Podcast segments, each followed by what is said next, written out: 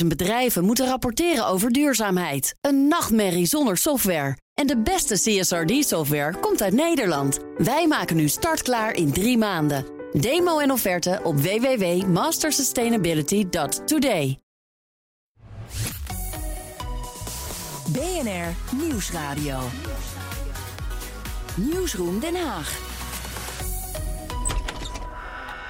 Ja, en als dan de deur open gaat, uh, Thomas van Groningen, dan beginnen wij meestal alvast een beetje te praten, alsof het al gezellig is. Maar vandaag is het allemaal Ja, live. het muziekje radio. Ja, dat muziekje hoor je nooit. Dat zet ik er altijd achteraf onder. Ja, dat is een hele andere vibe ineens. Nou, zit Ja. er dan goed in. Ja, precies. Eh, welkom in Nieuwsroom Den Haag. Eh, van, eh, wat is het vandaag? Vrijdag 30 april. Bij mij is Thomas van Groningen. Ik ben Mark Beekhuis. En we gaan het hebben over een week waarin er een heleboel gebeurd is. Ik zat te denken, Thomas, normaal gesproken... dan eh, is een eh recesweek hartstikke rustig. Maar op maandag kregen we notulen. Dinsdag hadden we even de Koningsdag. Op woensdag was er een groot debat over paspoorten. Dat wil zeggen coronapaspoorten. Donderdag was er een redelijk belangrijk debat... wat van eh, de ochtend tot diep in de nacht duurde. En vandaag hebben we dan nog weer eens ineens de persconferentie van Cenk Willink, de informateur. Heb je eigenlijk al een rustig, een rustig recesweekje meegemaakt? Nee, want ik, ik, ik, ik zit pas sinds 1 december fulltime in Den Haag op de Haagse redactie van BNR. En ik heb wel een kerstreces meegemaakt, maar dat viel midden in eh, de zwaarste lockdown die Nederland ooit gehad heeft. En daar was ook wel wat een en ander politiek nog, eh, nog te doen. Dat, rond de kerstdagen was het wel even rustig hoor, maar de eerste week van januari eh, kwam dat toch alweer vrij snel op stoom. Ook omdat veel mensen dan weer langzaam over de verkiezingen begonnen te hebben in die tijd. En nu dan deze week. Ja, het was, Ja. het, was het weekje wel. Beetje rare week En is ook, het. Beetje gek. Ehm, en, en nu dan op, op vrijdagmiddag kwam dus eh, Cenk Willing, vrijdagochtend eigenlijk, met zijn eindverslag.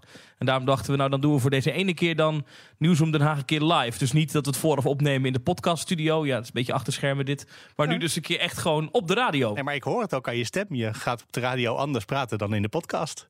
Dit is veel meer zo? aangezet. Ja, hoor je het zelf ook niet? Oh, Ja, dat zullen de mensen van de podcast meteen, eh, meteen herkennen, denk ik. Ik zal proberen het af te leren. Nou, nee, doe waar je je prettig bij voelt. Eh, Oké, dat is goed. Eh, Bij de podcast is vaak wel wat kalmer dan de radio, denk ik. Ehm, ja, we hebben een heleboel dingen te bespreken. Ik noemde de hele week eigenlijk net al op. S- Meestal beginnen we gewoon chronologisch aan het begin van de week. Dan zeg ik Sophie, Thomas. Maar Sophie heeft een weekje vrij. Waar zullen we beginnen? Maar zullen we vandaag maar gewoon beginnen met, eh, met de conclusie van eh Cenk Willink? Kan ik ook meteen laten horen. Dan weten we meteen waar we het over hebben. De inhoudelijke informatie kan van start. En de conclusie is gebaseerd allereerst op de wens van de overgrote meerderheid van de fractievoorzitters om in de komende fase van de formatie de nadruk te leggen op de inhoud, de grote problemen die dringend om een oplossing vragen, voorop de gevolgen van de coronacrisis. De weg uit de crisis als prioriteit. Daarnaast is de conclusie gebaseerd op de vaststelling dat het demissionair kabinet beperkt is in zijn politieke slagkracht. Op korte termijn zal het een voorstel aan de Kamer doen voor een volgende fase aan steunmaatregelen. Maar een verdergaand voorstel voor een herstel- of transitiebeleid kan niet van hem worden verwacht. Wat tot dat be- beleid be- moet behoren is een politieke keuze waarover de meningen uiteenlopen. Ik heb dat in paragraaf 7 uiteengezet. Tegelijkertijd kan het transitiebeleid niet worden gewacht op het nieuwe kabinet. Dat zou ten koste gaan van zowel de mensen die dreigen hun baan te verliezen, als van het weer opstarten en herstellen van bedrijven en culturele instellingen. Vanwege de urgentie moet het transitiebeleid een centraal onderwerp in deze fase van de formatie zijn. Vandaar de aanbeveling om een informateur allereerst te belasten, ik citeer, in samenwerking met departementen en gebruikmakend van bestaande rapporten en adviezen een brede overeenstemming te zoeken voor een transitiebeleid. Nou, Thomas, een heleboel woorden. We kunnen beginnen met de formatie. Daar begon het mee. Dat is een Ja. opwekkende gedachte. Ja, omdat we toch nog, nou ja, laten we zeggen, een maand geleden, want 1 april was dat debat over Rutte en, en het vertrouwen werd toen in hem opgezegd. Althans, eh, de Tweede Kamer nam net geen motie van wantrouwen aan, net geen meerderheid daarvoor, maar wel een motie van afkeuring werd tegen hem eh, aangenomen. En toen leek het in de dagen daarna van, nou ja, als je gewoon optelt, de partijen die een motie van wantrouwen hebben gesteund tegen Mark Rutte, eh, als die dus niet met hem samen willen werken, dan kan er dus geen coalitie komen. Dan red je geen meerderheid. Ehm, nou, toen kwam dat weekend daarna. Dat was toen Pasen. Zwarte, eh, is dat Zwarte Zaterdag? De zaterdag van Pasen. Eh, ik ben niet zo katholiek ingesteld. Maar in ieder geval de, de zaterdag van het paasweekend. Zinderend zaterdag. Uh, dat werd eigenlijk een zegerszaterdag. Want toen kwam hij ochtends, Gert-Jan Segers van de ChristenUnie... in het Nederlands Dagblad met het verhaal dat zij ook Mark Rutte uitsluiten. Nou, dat is langzaam, na verloop van tijd, we zijn nu een maand verder... Uh, is dat allemaal wat afgezwakt. En wat we nu dus vandaag lezen in het rapport van Herman Cenk Willink is eigenlijk dat hij zegt, nou ja, er zijn nog wel wat partijen die, uh, die, die de VVD van Mark Rutte uitsluiten. Die Mark Rutte als premier uitsluiten. Willen zij meedoen in een nieuw kabinet. Maar ja, dat zijn eigenlijk partijen, hè, daar, zit, zit de PVV bijvoorbeeld bij. En ja, daar wil de VVD toch niet mee. De SP Iedereen sluit de PVV ook zo'n beetje uit, hè? Ja, dus, dus je merkt eigenlijk dat al die partijen, uh, en dan met name vallen op bijvoorbeeld GroenLinks, Partij van de Arbeid uh, uh, en ChristenUnie, die dus wel in die dagen daaromheen of de motie wantrouwen hadden gesteund of in de media Mark Rutte hadden uitgesloten, dat die daar nu dan toch wat anders ja. in staan. Dat die, die deur is langzaam opengezet. En dat is misschien het resultaat geweest van deze informatie met Herman Cenk Willing. Ja, dat hij heeft uitgezocht of mensen nou ja, met elkaar willen blijven praten überhaupt. En ik hoorde even de verbinding wegvallen. Even kijken of je er nog bent, Thomas. Ik hoor je niet meer, hè? Uh, in elk geval, die drie partijen die jij net noemde, dat waren de SP en de PVV en ook bijeen. Ja. Die uh, alle drie niet uh, met Mark Rutte het zien zitten. Die misschien eigenlijk nog het meest standvastig zijn in hun afkeer van deze man dan. Ja, ja die, die, die, houden vol dat onder, onder Mark Rutte het niet kan. En dat is ook niet vreemd, hè, want dat hebben we eigenlijk ook de afgelopen dagen wel gezien. Afgelopen vrijdag zat Renske Leijten nog bij ons op BNR bij de Friday Move bij Wilfred. En toen zei ze ook dingen als: je kan niet uh, verder uh, het probleem oplossen met de mensen die het probleem gecreëerd hebben. En daar doelden ze mee op Mark Rutte. Dus van de SP ja, is het eigenlijk al vrij logisch dat zij echt niet het zien zitten om met uh, Mark Rutte in een kabinet te gaan zitten. Ja, terwijl dat was dan wel weer... tijdens, de, tijdens de campagne, voor zover er een campagne was deze keer. Uh, toch een soort van flirt de hele tijd. Dus uh, notabene uh, de VVD en de SP. Dat, ja, misschien dat we dan toch wel voor het eerst de VVD met de, de, de SP in de regering samen zou kunnen. Maar dat is nu toch. Nee. Een, uh, we hadden een coronadebat vlak voor de verkiezingen. En toen ging Marijnissen, Lilian Marijnissen al in haar tekst vooruit blikken op dat er wel een minister van Volksgezondheid klaar stond in de SP-coulissen. Zo van, nou, we gaan, we gaan, meedoen. En we, we, hebben het toen ook in, in Nieuwsroom vaker over gehad... dat er echt geflirt werd tussen de SP en de VVD. Maar dat is echt, sinds die vertrouwenscrisis rondom die toeslagenaffaire... Uh, en, en de vorige keer natuurlijk met dat verhaal uh, over, in de verkenning over omzicht. Ja, is dat, dat is gewoon niet goed gekomen. En je merkt dat bij andere partijen het vertrouwen dus wel langzaam herstelt. Of uh, hersteld is door Cenk Willink. We weten natuurlijk mm -hmm. niet wat zijn helende woorden hebben gebracht. Maar, de, maar dat dat bij de SP echt, die deur zit echt potdicht. En dus hebben we misschien gisteren al een klein beetje gezien, iets in het debat. Om even de dingen door elkaar heen te mengen die wel bij elkaar horen. Gisteravond was natuurlijk het uh, debat over uh, de. Nou ja, het werd gezegd, het debat over de natuur. Maar het was natuurlijk eigenlijk over het achterhouden van informatie door de Tweede Kamer. Nee, door de regering aan de Tweede Kamer. Dat was waar het debat eigenlijk over ging. Um, daar was er een motie van GroenLinks en de PvdA. Die gaan we straks ook wel horen. Of misschien nu al, wat jij wil. Die eigenlijk al een soort ja, daar, daar, klonk al een beetje in door wat we vandaag van Herman Cenk Willink hoorden. Nou ja, precies. Het werd eigenlijk een beetje voorgesorteerd. We zagen, uh, ik zag die vanaf de publieke tribune, zag je mevrouw Ploemen af en toe halverwege de avond met een A4'tje zo langs wat partijen gaan. Dacht ik, oh die is aan het shoppen. Maar je zag ook heel duidelijk dat GroenLinks daarbij betrokken was. En je zag daar, ik tweette gisteravond, de linkse samenwerking. Nou, die hebben we wel gezien. Ze kwamen met een motie om de bestuurscultuur te doorbreken. Echt om af te stappen van die oude bestuurscultuur. En je zag ook echt uh, een, een wensenlijstje in die motie. Misschien kunnen we even laten horen. De Kamer gehoord de beraadslaging. Spreekt uit dat burgers niet door de overheid met wantrouwen mogen worden behandeld en er altijd oog moet zijn voor het voorkomen van schrijnende individuele effecten van wet en regelgeving door daarin alle wet en regelgeving waarborgen voor op te nemen, zoals een hardheidsclausule of een discretionaire bevoegdheid. Spreekt uit dat de rechtspositie van burgers versterkt moet worden in elk geval door voldoende middelen structureel vrij te maken voor de sociale advocatuur in de geest van, de, van het advies van de commissie van der Meer. Spreekt uit dat er zo snel mogelijk een einde gemaakt moet worden aan racisme, in elk geval door te stoppen met het gebruik van discriminerende algoritmes. Spreekt uit dat de informatiepositie van de Kamer weer in ere moet worden hersteld, in lijn met de aangenomen moties omzicht, en dat de Kamer altijd als eerste wordt geïnformeerd over kabinetsbesluiten. Spreekt tevens uit dat er voldoende aandacht moet zijn voor de uitvoering en de gevolgen van het beleid in elk geval voor het doenvermogen van mensen bij elk wetsvoorstel. Spreekt uit dat we de tegenmacht in onze democratie moeten koesteren. Spreekt uit dat we moeten investeren in een sterke positie van uitvoeringsorganisaties, de Nationale Ombudsman, de Algemene Rekenkamer, de Autoriteit Persoonsgegevens en het Adviescollege Toetsing Regeldruk.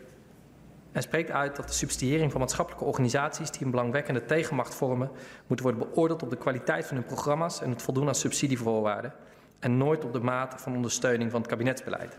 En gaat over tot de orde van de dag. Mede ondertekend, zoals ik al zei, door collega Ploemen. Ja, mag ik dit als een soort, uh, het is bijna een viertje aan tekst als je het zo hoort, uh, als een soort uh, regeerakkoord lezen? Want het regeerakkoord moest kort, hè?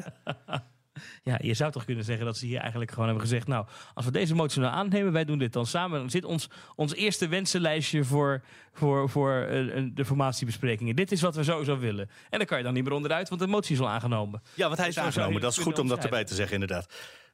Hij is aangenomen, ja. En er zitten toch wel dingen in. Meer geld voor bijvoorbeeld de autoriteit persoonsgegevens. Daar is echt al heel lang over gelobbyd. Meer geld voor de nationale ombudsman. Daar gaat het al meer over in Den Haag. Dat is niet iets wat gisteren ineens bij Klaver en Ploemen in hun hoofd ontstaan is. Nee, dat is echt iets waar, waar je al langer gemopper over hoort. Dat zo'n autoriteit persoonsgegevens te weinig geld heeft om, uh, om, om, zaken te controleren. Uh, ja. dat, dat, Wordt ook al heel lang afgehouden hè, dat er meer geld bij moet. Dan komt de regering en zegt, nou nee, vinden wij niet zo nuttig.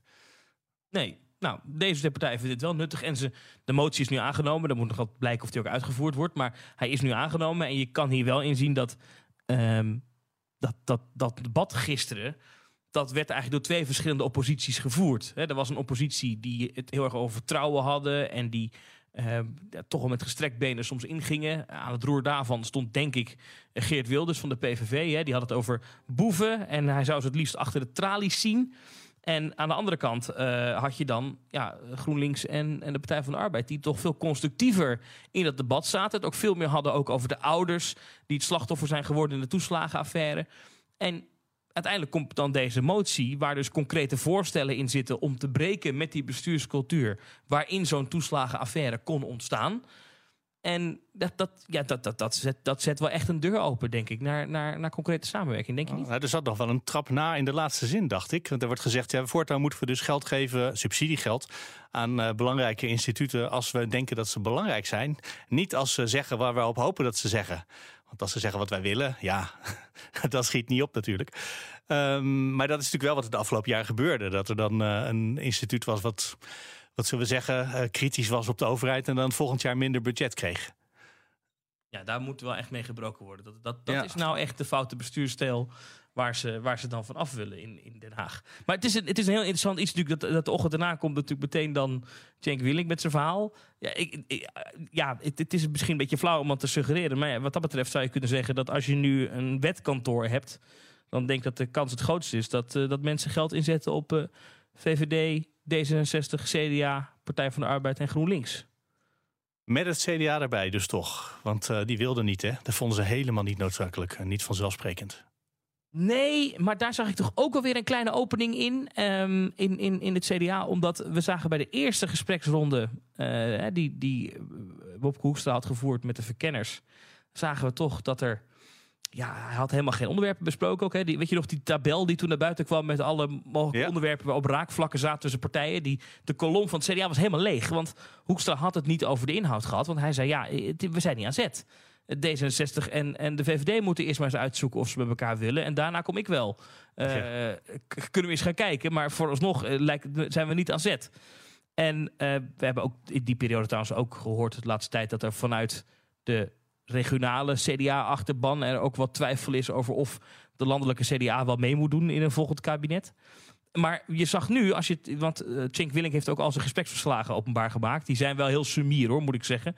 Uh, daar staat niet zo heel veel in. Maar daar zag ik toch dat Hoekstra het nu wel over bepaalde inhoudelijke thema's heeft gehad. Dat zijn dezelfde thema's die hij ook al had genoemd in de verkiezingscampagne. Dus die zijn niet nieuw. Bijvoorbeeld uh, georganiseerde misdaad en versterking van de economie en, en gezond huishoudboekje voor de staat. Dat soort dingen. Maar hij heeft het dus wel over inhoud gehad nu. Wat hij de vorige keer niet gedaan heeft. Dus ja, misschien lees ik er te veel in, maar daar zou je in kunnen zien dat zij dan toch wel de deur een beetje op een kier zetten. Nou, en sowieso dat er allerlei deuren een beetje op een kier gaan. Want het was gisteravond die motie die we net hoorden van uh, Klaver en Ploemen. Maar die werd ook weer aangehaald vanmorgen in zijn persconferentie door Herman Cenk Willink, de informateur. Dus die, die zag daar een soort bewijs in van dat het allemaal wel kan, dat de partijen wel willen.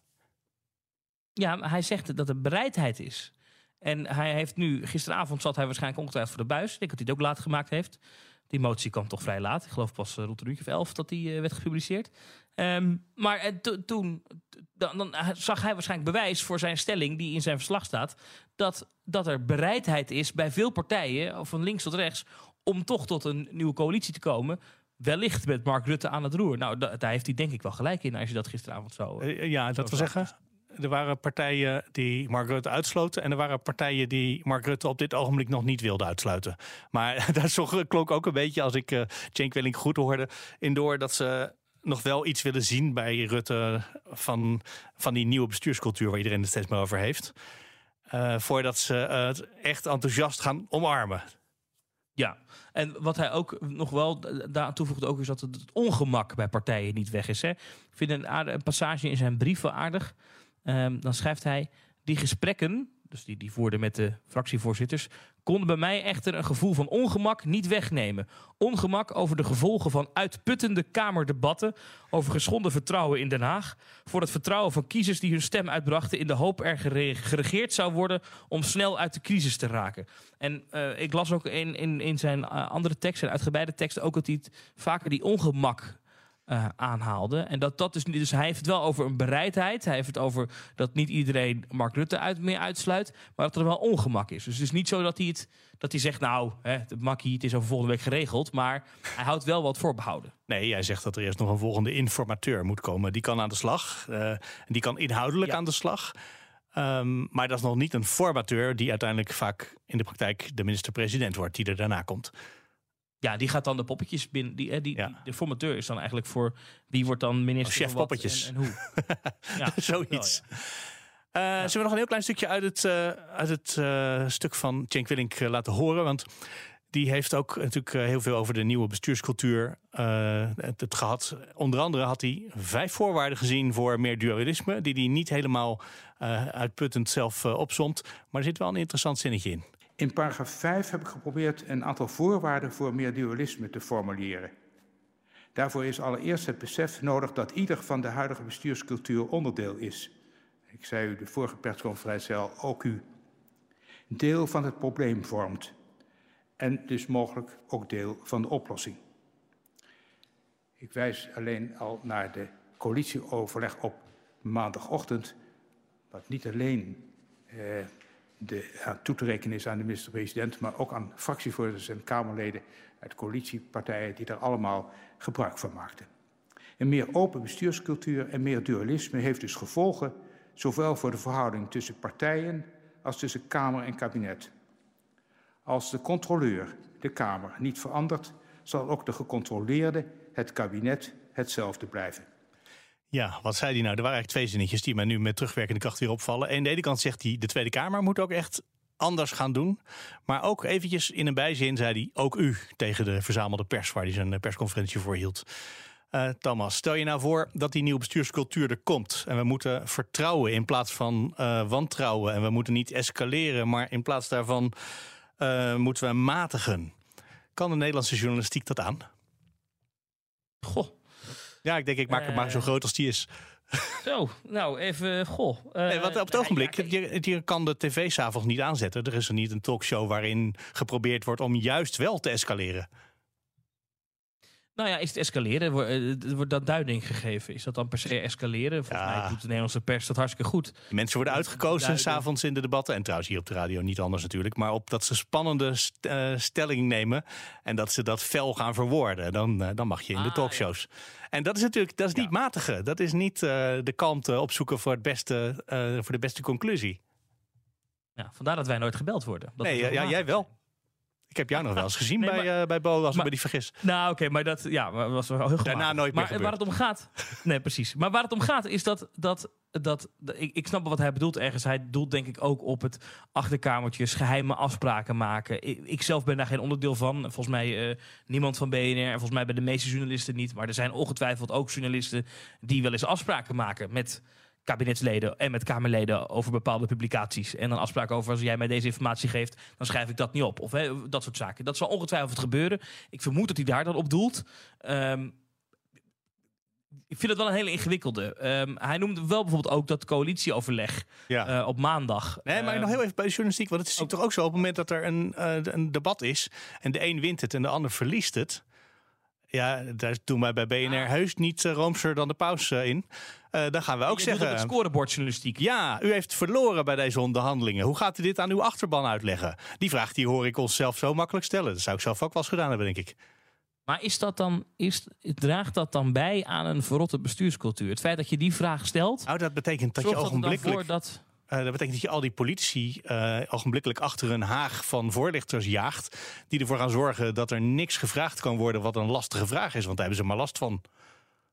Ja, Ja, ik weet het Ja. ook niet hoor. dat, dat, dat- dat wij een soort van hooivorkbrigade zijn, waardoor ze Ja, continu precies. opgejaagd zijn. Waardoor ze dus gedwongen worden om bepaalde dingen achter de schermen af te spreken en af te tikken. Eh, omdat anders, als je alles open in de bloot doet, dan ligt al je vuil op straat en dat wordt uitvergroot door de pers. En dan heb je te veel problemen. Dus eigenlijk is het de schuld van de pers. Nee, niet al de schuld. Van Oh. iedereen was het de schuld. Ook van de regering, ook van de.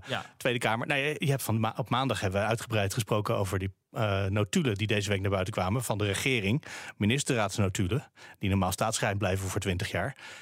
Ja, als je het leest, je kan er allerlei schokkende dingen in zien. Maar je, het is ook gewoon een verslag van een vergadering waarin mensen met elkaar aan tafel hebben gezeten. En die hebben gedacht, wat moeten we? Ja, en waarin mensen wat frustratie uiten, zoals een Wouter Koolmees en, eh, over, over, over eh, coalitiekamerleden. Ehm, en dat wordt nu uitvergroot. Hè? Ja. Daar, dat, dat, dat stond bij ons ook op de website. Eh, Nee, Kool- natuurlijk. En er wordt de hele tijd Koolmees gepraat over beeldvorming. Kamerleden. Ja. Hoe En zouden als wij er wat minder op zouden zitten, ja. Goed, ik weet niet zo goed wat er dan maar zou moeten veranderen bij de parlementaire pers om dat te veranderen. Maar ik, ik snap wel ergens dat er een link is. Wellicht dat het mee verandert als ook de politiek langzaam verandert. Dat zou kunnen. Ehm, wat we natuurlijk wel hebben gezien de laatste jaren, en dat is volgens mij echt iets wat al 30 jaar speelt het Binnenhof, maar wat mij in ieder geval de laatste jaren opnieuw opvalt, is dat er toch bepaalde plekken in de eh, parlementaire journalistiek zijn waar af en toe wel eens anoniem een bepaald steekje onder water naar een bewindspersoon wordt, wordt, wordt gesche- ge- ge- ge- ge- gepiekt. Ja. Dat zijn dan dingen die weken later ineens groot het nieuws zijn. Dat je wel eens denkt, oeh, de, de sop wordt alvast een beetje voorgekookt. Ja. Eh, snap je wat ik bedoel? Ja, nou, dat soort processen bestaat natuurlijk ook. Hè. Wat dat betreft, het gaat ook over macht. Hè? campagnes. Het gaat over macht. Dus, ja. Ja, ja. Maar of dat, of dat dan per se bijdraagt aan die bestuurscultuur, dat weet ik niet. Ik wil even naar iets anders in wat, wat Cenk Willink net zei. Namelijk dat coalitieoverleg op maandag. ja, Ehm, want dat, dat is natuurlijk wel een hele interessante. Hè? Daar hebben ze jarenlang, hè, tijdens het hele kabinet, iedere maandag kwamen ze bij elkaar op een ministerie. Ehm, en ik weet dat het is jammer dat ze deze week vrij is. Maar Sophie die ging daar wel eens heen op maandag. En die kreeg dan ook vaak te horen van onder andere Rutte, als hij daar dan wegging. Van dit is geen persmoment en dit, we gaan hier niks zeggen. Ehm, maar dat, dat, dat was echt een soort van ja, eh, overleg waar ook geen notulen van zijn. Eh, we kunnen niet achterhalen wat er gezegd is. We weten niet welke afspraken daar gemaakt zijn. Maar daar heeft de coalitie eigenlijk het land bestuurd. Ja, het was een soort ministerraad. Behalve dat het niet met de ministers was, maar met de partijleiders in de regering en de partijleiders in de Kamer. Hè? Ja, ja. En daar, daar werden wel afspraken gemaakt. Daar werd dan even de week doorgenomen. Ehm, en daar werden belangrijke dingen afgetikt. En wa- waar, je, waar eigenlijk Cenk Willink hier op doelt... is dat je dat soort dingen dus niet meer moet doen.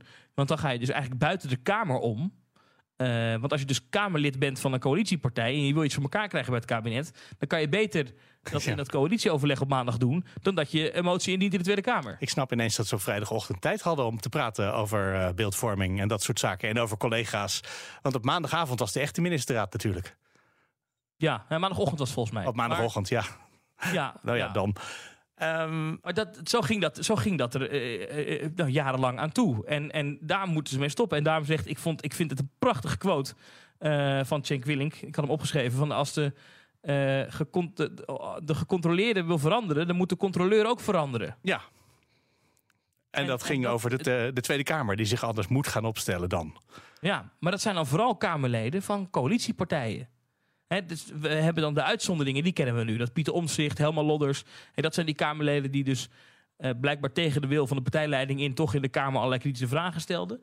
Ehm, maar je hebt blijkbaar, er zitten nog veel meer Kamerleden voor de VVD... Ja. En, en, en D66 en CDA in, in, in, in, de Tweede Kamer... die blijkbaar, als ik het een beetje goed begrijp... dus jarenlang de route hebben gebruikt. Als je iets voor elkaar wil krijgen bij het kabinet...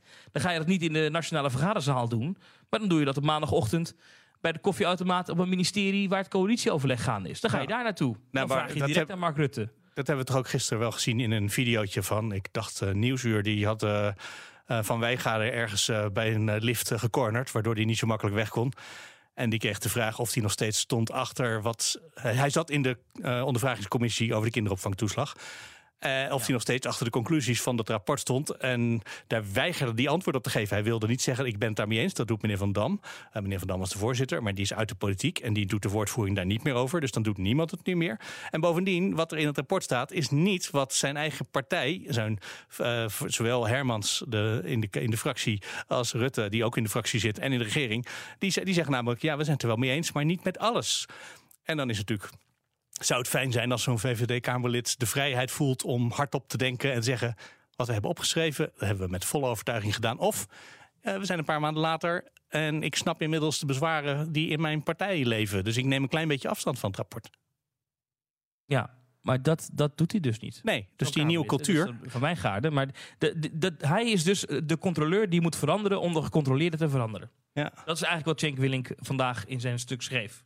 nou, in de De vraag is of afgelopen. zo'n Kamerlid dat ook wil. Nou, jawel, en misschien wil zo'n Kamerlid dat wel, maar wil de partijleiding dat ook? Maar die vraag die moet je niet beantwoorden, want dat is een hele mooie cliffhanger, zeg ik dan altijd. We gaan even reclame doen op de radio. In de podcast luister je gewoon lekker door. BNR Nieuwsradio. Nieuwsroom Den Haag. Ja, je luistert naar BNR Podcastuur, waarin we op vrijdag altijd het nieuwsroom Den Haag hebben. Deze keer voor één keer live, omdat we aan het eind van de ochtend nog even een persconferentie van Herman Tjenk Willink eh, voor de kiezer kregen. Die natuurlijk, als wij om 12 uur de podcast online zetten, wel een beetje. hij zat een beetje de deadline van onze podcast eh, in de weg, eh, Thomas van Groningen. Ja, dat vind ik niet, niet netjes van. Nee, hè? Het is zo'n beschaafde man, denk je altijd, maar ondertussen. Ah, er wordt in Den Haag wel eens rekening gehouden met, met bepaalde actualiteitenrubrieken. Eh, dat is een publiek geheim, maar dat er echt wel eens rekening wordt gehouden met eh, dat er om half acht op RTL 4 een eh, belangrijk nieuwsprogramma is. En dat er dan iets later om eh, acht uur op eh, NPO 1 een belangrijk nieuwsprogramma is. En dan een paar uur later is er ook nog een ander belangrijk nieuwsprogramma op de NPO. Daar wordt echt wel rekening mee gehouden, normaal gesproken. Met persmomentjes en oploopjes en zo. Ja. Maar met Nieuwsroom Den Haag houden ze nog geen... eh, Ze weten het nog niet, dat dat eigenlijk wel heel erg nuttig is. Ja, misschien Cenk Willink wel, ook geen ik. podcastluisteraar. Geen idee nee, eigenlijk. dat denk ik ook niet. Nee. Ehm, ik wil nog even naar... Ah, Pardon? Hij leest veel kranten, dat zei hij vanmorgen Ja, tijdens de persconferentie. Ja, dat is iets wat eh, bij een bepaalde generatie hoort, denk ik dan. eh, maar misschien is dat stereotype. Want er lezen steeds meer mensen kranten, realiseer ik me terwijl ik dit zeg. Ehm, ik wil nog heel even terug naar eh, het, de, de, de, de geloofwaardigheid van Mark Rutte in de nieuwe bestuurscultuur. Want we hadden het net voor de reclame ook uitgebreid over die bestuurscultuur. Ik pak nog een klein stukje uit de persconferentie van Cenk Willink erbij. Over de vraag of je nou met Mark Rutte samen kan werken. De fractievoorzitters van PVV, SP en Bijeen sluiten deelname of steun aan een nieuw kabinet onder leiding van demissionair minister-president bij voorbaat uit. Anderen gaan zover niet. Dus niet bij voorbaat. En laten hun oordeel afhangen van de contouren van het te vormen, de in te voeren beleid, dan wel overeenstemming over de ontwikkelingen naar een open bestuursstijl en meer dualistische verhoudingen tussen kabinet en Kamer. Dat moet dus gedurende de formatie blijken. Kan de huidige minister, demissionaire minister-president in die nieuwe verhoudingen een geloofwaardige rol spelen? Hij is, hij is immers symbool, maar dat heb ik op de eerste persconferentie ook al gezegd, niet de enige representant van de bestaande bestuursstijl. Meer dualisme en een open bestuursstijl eisen een andere invulling van het minister-presidentschap. Ik heb daarover met de demissionair minister-president gesproken. Hij realiseert zich dat die omslag het nodige zal vragen, niet alleen van Kamerleden en ministers of van fractievoorzitters, maar ook vooral ook van de toekomstige minister-president. Hij heeft ook tijdens het debat gisteravond aangegeven daarover na te denken en aangekondigd zijn gedachten op korte termijn naar voren te zullen brengen. Als ik dit zo hoor, Thomas, dan hoor ik Cenk Willink zeggen... Mark Rutte die is nog eens aan het nadenken of hij geloofwaardig door kan. En Ja. dat is echt iets heel anders dan ik tot nu toe Mark Rutte zelf heb horen zeggen... van wie ik altijd het idee heb dat hij gewoon doorgaat, no matter what. Sterk nog, hij zei, als ik niet in de regering kom... dan wil ik ook best oppositieleider worden. Prima. Ja. ehm, Dus waar gaat hij dan over nadenken? Nou, ik, ik, zie hier letterlijk de tekst in, de, in, in het eindverslag. Is hij heeft aangegeven erover na te denken en aangekondigd zijn gedachten op korte termijn naar voren te zullen brengen. Ja. Uh, jij interpreteert dat als dat het ook wel zo zou kunnen zijn dat Mark Rutte over drie weken zegt: ja, die, die nieuwe, de, de minister-president nieuwe stijl, zoals we die willen, dat is niks voor mij. Ja, dat is de vraag uh, die Jake Willink uh, drie zinnen daarvoor zelf oproept. Ja, Kunnen we geloofwaardig verder met Mark Rutte? en dat, moet, nog maar dus moet hij nog maar bewijzen in de komende weken. Ja, maar dat is niet wat Mark Rutte zelf zegt. Eigenlijk, Mark Rutte hebben we in de afgelopen weken meermalen horen zeggen dat hij radicale ideeën heeft over hoe de bestuurstijl anders moet. En gisteren in dat debat in de Tweede Kamer werd hij daar ook naar gevraagd. Maar dan hamert hij erop en zegt: Ja, maar ik sta hier nu als minister-president. En we staan hier nu in een debat over de ministerraadnotulen. Die radicale ideeën over hoe in een volgend kabinet de minister-president anders te werk moet gaan. Dat wordt hij zelf dan waarschijnlijk. Maar hij, hij, zegt dat die ideeën, die moet ik naar voren brengen als leider van de VVD, als VVD-fractievoorzitter. Dat is een andere pet, dus dat ga ik nu niet hier doen. Maar hij heeft beloofd gisteren aan de Tweede Kamer dat als die debatten straks komen over de formatie, hè, er komt een debat nog over dit eindverslag van Herman Tjenk Willink. Ja, volgende week dat is ergens. Het debat waar dan, ja, dat is het debat waar dan besloten moet worden wie die nieuwe informateur wordt uh, waarschijnlijk. Um, hij heeft beloofd dat hij in dat debat een aantal van de ideeën uit de doeken zal doen. Dus we gaan dan horen hoe Mark Rutte denkt dat hij straks verder kan als, als de, de, de MP 2.0, noem ik hem maar even dan. uh, hoe die geloofwaardig uh, die nieuwe bestuurs... Want dat is natuurlijk de vraag, hè? Uh, je doet dit al tien jaar. Ben je in staat om na tien jaar hetzelfde werk... weliswaar met een ander team, maar toch op een hele andere manier vorm te geven. En daar ook dat anderen van tevoren meteen denken... dat ga jij wel kunnen op deze manier. Nou, dit kan je op twee manieren uitleggen. Want je kan natuurlijk zeggen, moet er niet een heel nieuw iemand, een fris poppetje komen, die dus het op een andere manier gaat doen. Maar wat je dan zou kunnen zeggen, en toevallig is mij de, gisteren sprak ik iemand van de VVD, die vertelde mij dit op deze manier. Die zei: Ja, maar als je dat doet, dan trapt hij weer in alle valkuilen die er zijn. En dan, krijg je, dan verandert er niks. Je kan beter iemand hebben die weet welke valkuilen er zijn. door de ervaring die hij heeft opgebouwd de afgelopen tien jaar. Mhm. En die dat dan uh, laten doen. Want die kan dan een verandering teweeg brengen die dan eventueel zijn opvolger kan voortzetten. Ja, ik, ja. ik maak me een beetje zorgen is- dat straks het maandagochtend overleg wordt opgegeven en dat het op dinsdagochtend blijkt te zijn. Dus dat het de vorm wel anders is, maar de inhoud niet. Gewoon omdat het, als Ja, je iets tien jaar op een bepaal- bepaalde manier doet, dan zit dat dan voor een deel zit dat, eh, in je vezels, zoals dat bij Mark Rutte gaat. Ja, maar da- daar speelt dan wel mee is dat er natuurlijk andere partijen aanschuiven nu. Hè. We gaan niet door met dezelfde coalitie. Dat, Nee, dat kan dat nog hoor, dat is niet uitgesloten. Maar eh, dat kan in theorie nog. Maar, maar hè, er, komt, er komen partijen bij. Misschien de Partij van de Arbeid, misschien GroenLinks, misschien Partij van de Arbeid en GroenLinks. En dat zijn wel twee partijen die gisteren ook heel duidelijk in de Kamer hebben laten merken, door die motie die ze hebben ingediend, dat ze die andere bestuursstijl eigenlijk afdwingen.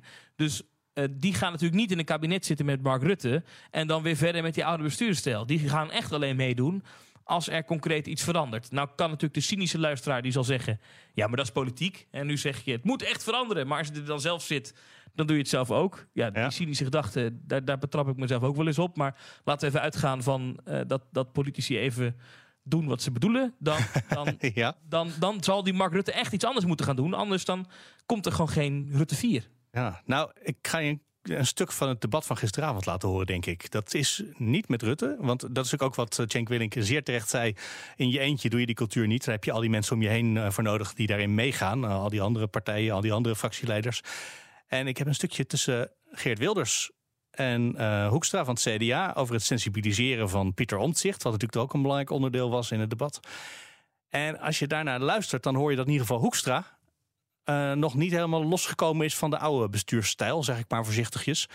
En eh, laat ik maar vast even waarschuwen, want het is aan de ene kant een enorm vuurwerk en het is spannende radio, maar het duurt ook vijf en een half minuut. Dus ga rustig, achter, eh, rustig achterover zitten. Heer Wilders, Ja, voorzitter, wat een rare partij is het toch het CDA. Wat ik nou gewoon niet begrijp, hè, en nogmaals, de heer Omtzigt is lid van uw fractie. Het is er een van u, van uw partij. Niet van mijn partij, maar van uw partij. Van uw fractie, mevrouw Kuik. Wat ik nou niet begrijp, is dat de minister dan niet gewoon zijn termijn begonnen is met excuses aan de Omtzigt. Waarom bent u niet gewoon begonnen? Kunt u daarna nog allemaal mitsen en maren doen? Waarom bent u niet uw, uw, uw inbreng hier in de Tweede Kamer begonnen met excuses aan de heer Omtzigt? Nee, voorzitter, ik ben begonnen met het herhalen van de excuses uh, aan de ouders. En dat het kabinet, wat mij betreft, daarom terecht is afgetreden. Uh, en ik heb geprobeerd de context te schetsen, wat ik gezegd heb en wat daar de beweegredenen van waren. Ik heb ook benoemd dat uh, wat de heer Omtzigt gedaan heeft op dit dossier, dat ik dat fenomenaal vind. In de eerste plaats richting de ouders, maar ook breder uh, voor de democratie. En tegelijkertijd vind ik, juist ook als je het hebt over wie heeft welke rol, dat je daar als minister van Financiën uh, uh, met een staatssecretaris die worstelt met dat dossier, dat je dan aan beide kanten uh, uitlegt, vraagt om bewustzijn voor de positie van de ander. Ja, dat vind ik eerlijk gezegd verdedigbaar. Heer Wilders. Totaal geen antwoord op mijn vraag. Nog een keer. Waarom bent u niet begonnen, tweede onderwerp dan, met excuses aan de heer Omtzigt? Anders geformuleerd. Komt u nog met excuses voor de heer Omtzigt? Voorzitter, ik heb juist willen weergeven wat ik gezegd heb en waarom. Ik heb geprobeerd, nee, maar ik heb geprobeerd toe te lichten uh, waarom ik heb gezegd wat ik heb gezegd. Ieder van die specifieke stukjes uit de notulen. He, dus dat gaat over de uitvoering. Ik vind echt terecht. Ik vind ook terecht dat ik daar uh, aandacht voor vraag. Dat heb ik uh, geprobeerd te doen bij de omzicht. Dat heb ik overigens ook bij anderen geprobeerd te doen. En vice versa heb ik geprobeerd aandacht te vragen uh, voor de bredere problematiek bij de Belastingdienst, bij diegenen die zeiden ja, het zal allemaal wel meevallen, ook met die toeslagen. De heer Wilders. Nou ja, voorzitter, dit is, dit is ongelooflijk. Dit is een ingestudeerde riedel dat wat ik ook vraag, en dan vraag ik voor de vierde keer, komt u nog met excuses voor de heer Omtzigt, dan komt hij waarschijnlijk weer met hetzelfde ingestudeerde antwoord. Ja, ik kan me zo voorstellen, volgens mij, ook... volgens mij ben ik nog aan het woord. Ik kan me zo voorstellen... De heer Wilders. Ja, ik ben nog aan het woord. Ik kan me zo voorstellen dat de heer Omtzigt misschien thuis wil zitten kijken. En die denkt van, nou, hoe gaat het nou met mijn eigen partij? Wat doen ze nou? Krijg ik nou excuses of krijg ik niet excuses? Ik zou het zomaar kunnen. Hè? Als u hem wat meer had gesteund, als u wat meer empathie voor hem had gehad, als u wat meer had gedacht van nou die omzicht heeft misschien een punt, als u het wat meer voor hem had opgenomen, dan was het nu misschien beter met hem geweest dan nu. En wat heeft u gedaan? Even de feiten, ondanks al uw mooie woorden. De heer Koolmees zegt, blijkt uit de P-notulen van 12 juli, dat de woordvoerders van de fracties, de heer Omtzigt, mevrouw Lodders, wel een gezamenlijke strijd met mevrouw Leijten tegen de staatssecretaris snel voeren en dat hij daar zeer ontstemd over is. En dan zegt u dat u zich daarbij aansluit. U sluit zich aan bij de woorden van de heer Koolmees. Punt. En daarna heeft u het nog een keer over sensibiliseren. U heeft dus, waar u, en overigens, u, heeft, u bent niet eerlijk geweest tegen mij. Want ik heb op 1 april in dit debat heb ik u letterlijk gevraagd, met een interruptie, toen stond u daar als woordvoerder, heb ik u gevraagd, heeft u iets gezegd als het woord temperen, maar het kan ook een ander woord zijn geweest, in die vergadering. En u heeft toen geantwoord, ik herken het woord temperen niet. En nu blijkt dat dat gewoon een flauwe truc is geweest, want u heeft niet temperen gezegd, maar u heeft sensibiliseren gezegd. Dat is precies hetzelfde. Dus die Pieter Omzicht, die u een 24 karaats Kamerlid vond, waarvan u zegt dat dat een, een onze Pieter, enorme waardering voor Pieter, al zijn harde werk en inzet, heeft u in werkelijkheid gewoon een mes in de rug gestoken. U heeft aangesloten bij Koolmees die zei, ik ben zeer ontstemd wat hij samen met Leijten en Lodders doet. Ben, u was het daarmee eens. U heeft gewoon gezegd, ik ben het daarmee eens. En daarna heeft u het nog over sensibiliseren gehad. Ik vraag nog een keer. Ik hoef die excuses niet. Nogmaals, Omtzigt is niet van mijn partij.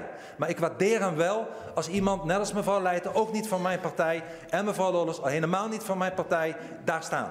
Dus ik vraag aan u, nog één keer.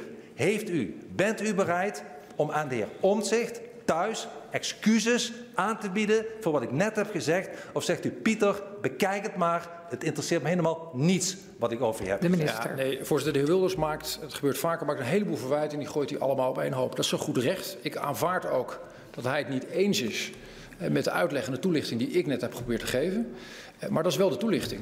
En ja, ik heb buitengewoon grote waardering eh, voor Pieter Omtzigt. Dat heb ik hier met regelmaat verkondigd. Dat heb ik daar met regelmaat verkondigd. Dat heb ik ook met hem zelf besproken. Uh, en ik heb het ook, ook in het kabinet, ook toen, er, toen, daar discussie over was. En heel veel van die overleggen die vinden natuurlijk niet plaats in de ministerraad. Dat weet de heer Wilders ook. Heb ik het ook voor hem opgenomen.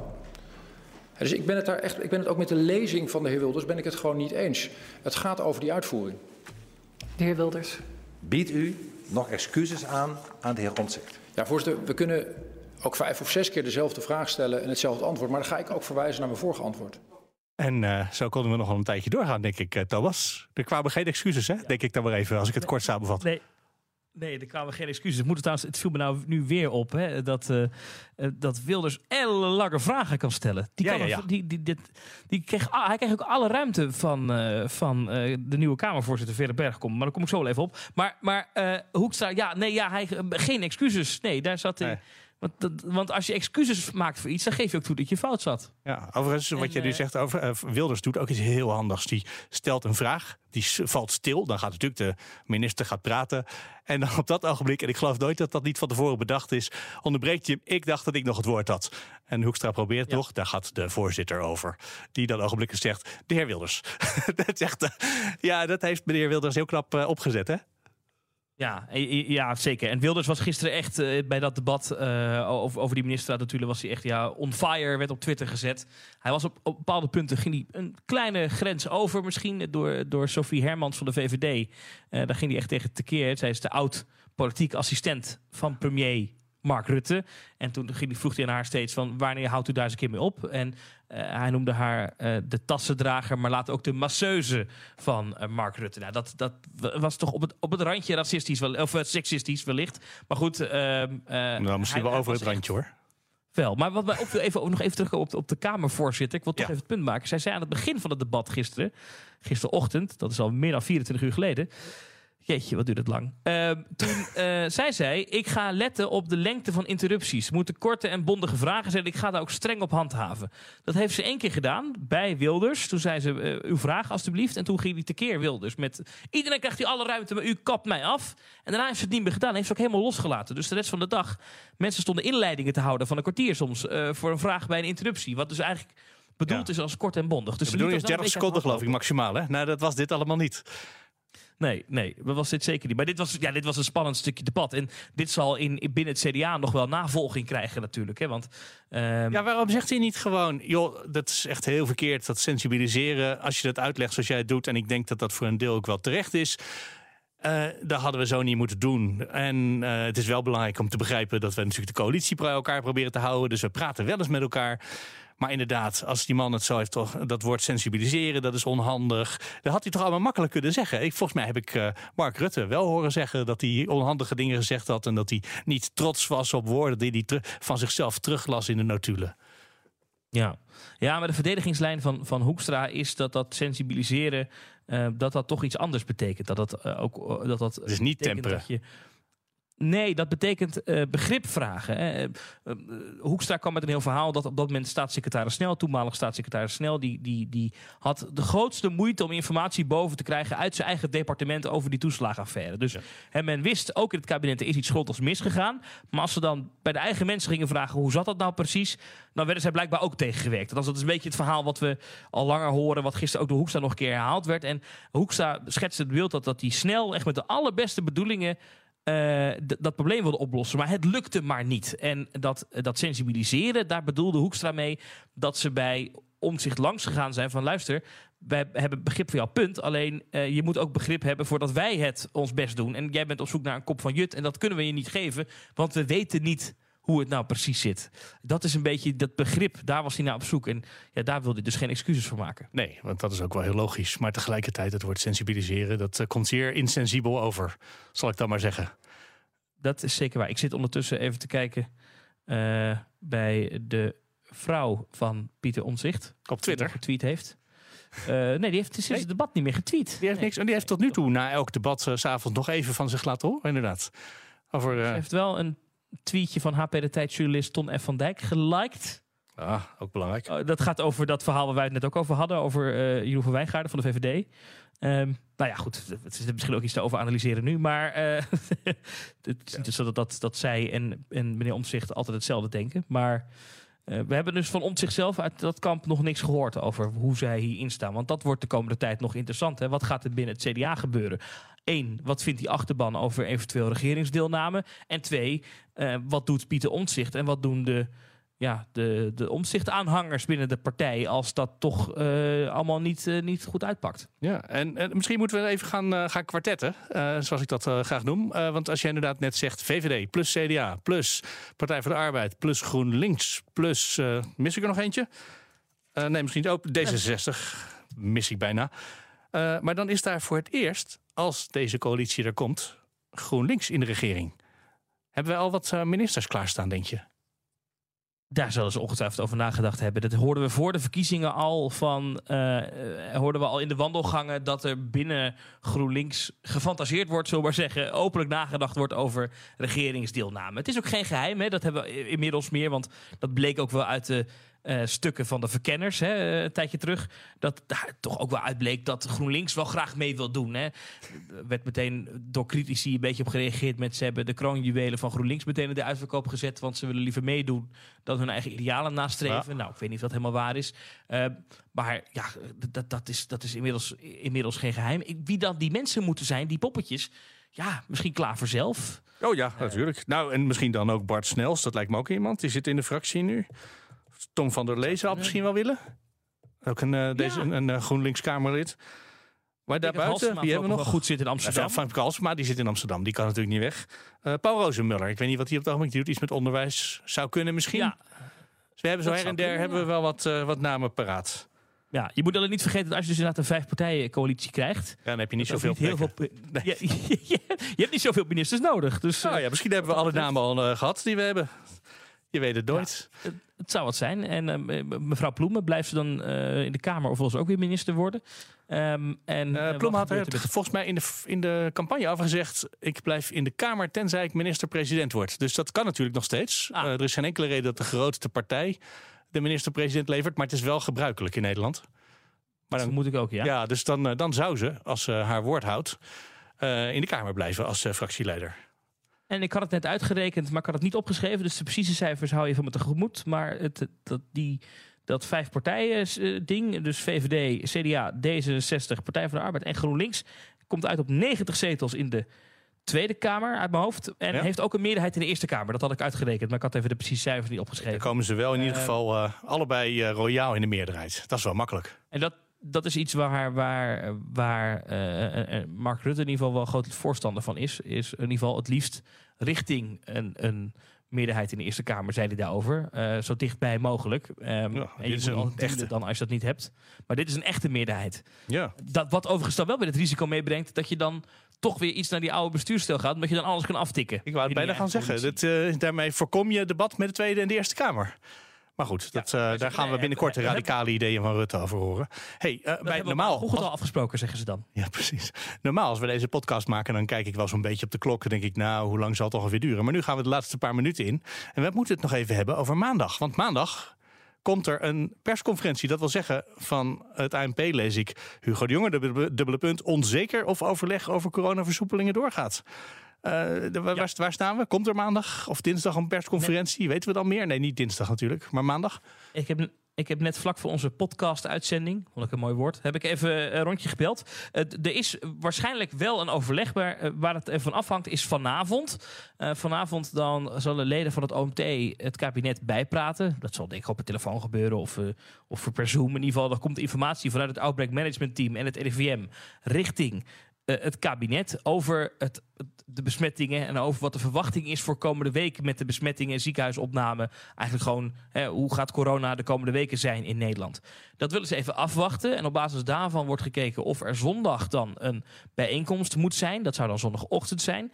En maandag is er dan besluitvorming overdag. Eh, en dat kan dus betekenen ofwel of geen versoepelingen per 11 mei. Het gaat dan om stap 2 van het eh, openingsplan. Daar zitten onder andere de sportscholen in. En eh, de dierentuinen en de pretparken die zouden dan weer open kunnen. Maar eh, Ja. ik kreeg net wel van iemand, van een insider... die wel een redelijk betrouwbare bron in dat wereldje... die zei, ja, u ziet ook de cijfers. Eh, ja, pin ons er niet op vast dat dat gaat lukken. Ah, daar worden verwachtingen getemperd. Jij werd alvast gesensibiliseerd voordat het misschien niet gaat gebeuren. daar Ja. komt het dan toch op neer. is dit ook die, is dit ook die, die kwaadaardige band perspolitiek? Eh, Dat weet ik niet. Ik Of weet niet wie jouw bron was. Eh, daar kan jij eh, meer over vertellen. Maar misschien kan je dat juist niet. Als je het zo... nee, eh, dat kan ik niet. nee. Nee. dat kan ik zeker niet. Maar dat dat je gesensibiliseerd bent, dat is het... Ja, jij bent sensibel gemaakt voor in ieder geval het feit dat er op het ogenblik zeer veel mensen op de IC liggen. En dat dat consequenties kan hebben voor de sportscholen. Ja. Ja, sportscholen. En maandag, wat ook zou zijn, is dat dan de terrassen langer open zouden mogen vanaf dan. Dus dat wil de horeca natuurlijk graag. Maar of dat vanaf 11 mei gaat lukken of dat het dan een week later wordt, dat is eh, de vraag. En dat horen we. eh, waarschijnlijk zal dat dan ergens vanavond of morgen vroeg al wel via de sensibelmakers naar buiten komen. Oh, dit gaat dan wel weer lekker. Want dat is natuurlijk iets wat bij die oude bestuurscultuur ook hoort. Dat je dan vandaag alvast eh, laat uitlekken wat er eigenlijk op maandag in de persconferentie pas komt. Dat zouden ze dan ook niet meer moeten doen. Hè? Dan moeten we ook gewoon niet, eh, niet van tevoren bijgepraat worden over. Straks krijg je mededelingen, maar, eh, maar dan krijg je dit te Maar, horen. ze, maar als ik vanavond natuurlijk bel met dat mensen en vraag: Goh, is er zondag katshuisoverleg? Dan kunnen ze dat natuurlijk wel tegen me zeggen. En we kunnen wel de conclusie trekken dat als er zondag geen katshuisoverleg is, Ja, dan is er Dan ook niks mee te delen. dan is er 11 mei ook niks te melden. Ja, en zo gaan we toch nog een spannend weekend in. Het was een hele spannende week ook. Hè? Uiteindelijk is er, ja, is er echt iets gebeurd. Ja, er is iets gebeurd. We hebben het, eh, uiteindelijk het rapport van meneer Cenk Willink eh, opgeleverd gekregen. Maar verder er is, heeft het allemaal... iets heel groots gebeurd, hè? Er is eigenlijk iets heel groots gebeurd. Er is een, een, een formatie die, waar zand in de motor zat, daar is gewoon een hele nieuwe motor opgeleverd. Alleen hij moet nu nog starten. Kijk eens even. We gaan zo ook namelijk naar de autoshow op de radio. Dus dit is echt een heel mooi bruggetje wat je hier maakt. Daar heb ik vorig over nagedacht, hè? Ja, dit eh, hoor je normaal ook nooit eh, tijdens de opname. Maar dan komt er zo'n muziekje op eh, om te zeggen dat we aan het einde komen. Dat zet ik ook aan het eind altijd achter. Nog genoeg tijd om te zeggen dat als je wil reageren... dat je altijd kan mailen naar nieuwsroom.bnr.nl of nieuwsroom.fd.nl. Dan zijn we de volgende week weer met eerst vier gewone afleveringen... en vrijdag weer een Nieuwsroom Den Haag. Thomas van Groningen, dankjewel. Tot volgende week.